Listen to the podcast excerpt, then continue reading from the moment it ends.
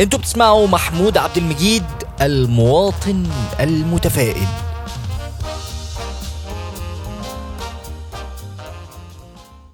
معكم محمود عبد المجيد المواطن المتفائل من السيزون الرابع. النهارده يكون حوالي عدى 100 يوم من ساعة ما الحرب على فلسطين وعلى قطاع غزة وعلى كل عربي ومسلم بدأت. حقيقة أنا كنت حابب أعمل حلقات البودكاست دي من زمان قوي لأن ده دوري ودور أي صانع محتوى إنه ما يبطلش كلام عن اللي بيحصل في فلسطين. بس فلسطين مش ترند فلسطين مش حاجة بنسخن عليها لفترة وبعد كده بننام. في بداية الحرب كله كان بيتكلم. كلنا كنا بننشر حاجات على ال social media ومع بعض وكان هو ده حديث الساعة. كنا فعلا مشغولين باللي بيحصل. لكن بعد 100 يوم إحنا لسه في نفس الوضع. هو إحنا اعتدنا مشاهد الموت والمصيبة اللي إحنا فيها؟ هو إحنا عزيمتنا قلت ولا إيه؟ ولا يكونش ملينا من الوضع؟ صدقني أنا مش بعمم كلامي عشان بس ما تاخدوهوش بمحمل خطأ. وبرضه مش جاي ألومك بس خلينا متأكدين إن إحنا ما ينفعش نتعامل مع الموقف بشكل عادي.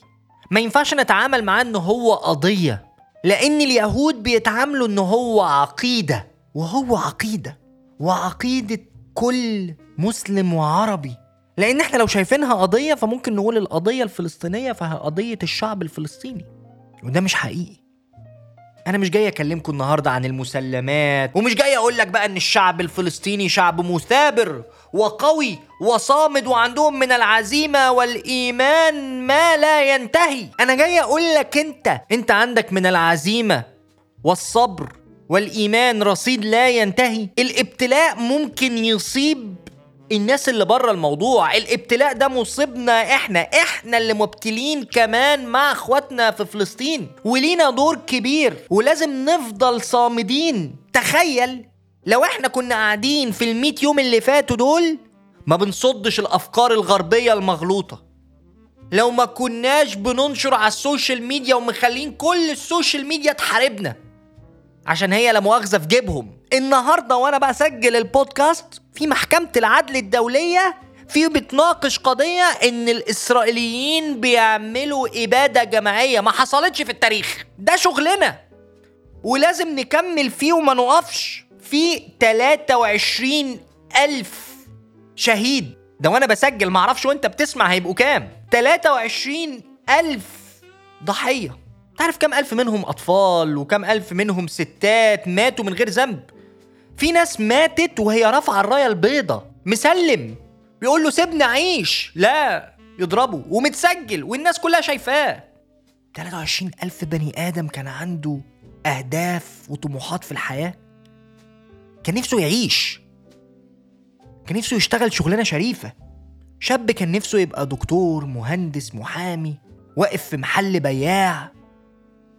بنت كان نفسها تاخد شهادة تساعد أبوها في المحل تساعد أمها تتجوز تخلف يبقى عندها عيال. دول الشهداء. لكن في أطفال عيلتهم ماتت كلها. الطفل ده هيعمل إيه لما يكبر؟ يكبر إيه؟ الطفل ده هيعيش إزاي دلوقتي؟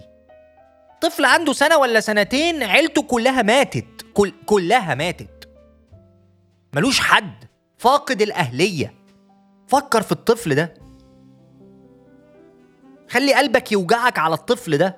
في يا محمود انت جاي توجع قلبنا؟ آه جاي اوجع قلبك. هنا انت مش متفائل؟ لا مش متفائل.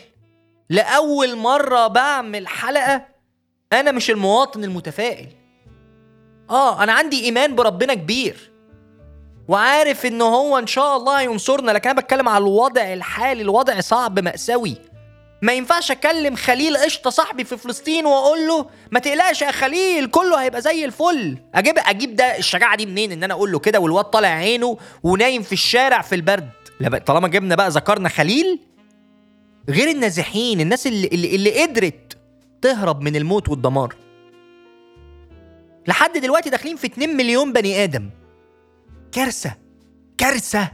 فكر بقى فلسطين هي أكبر مشاغلك في بالك.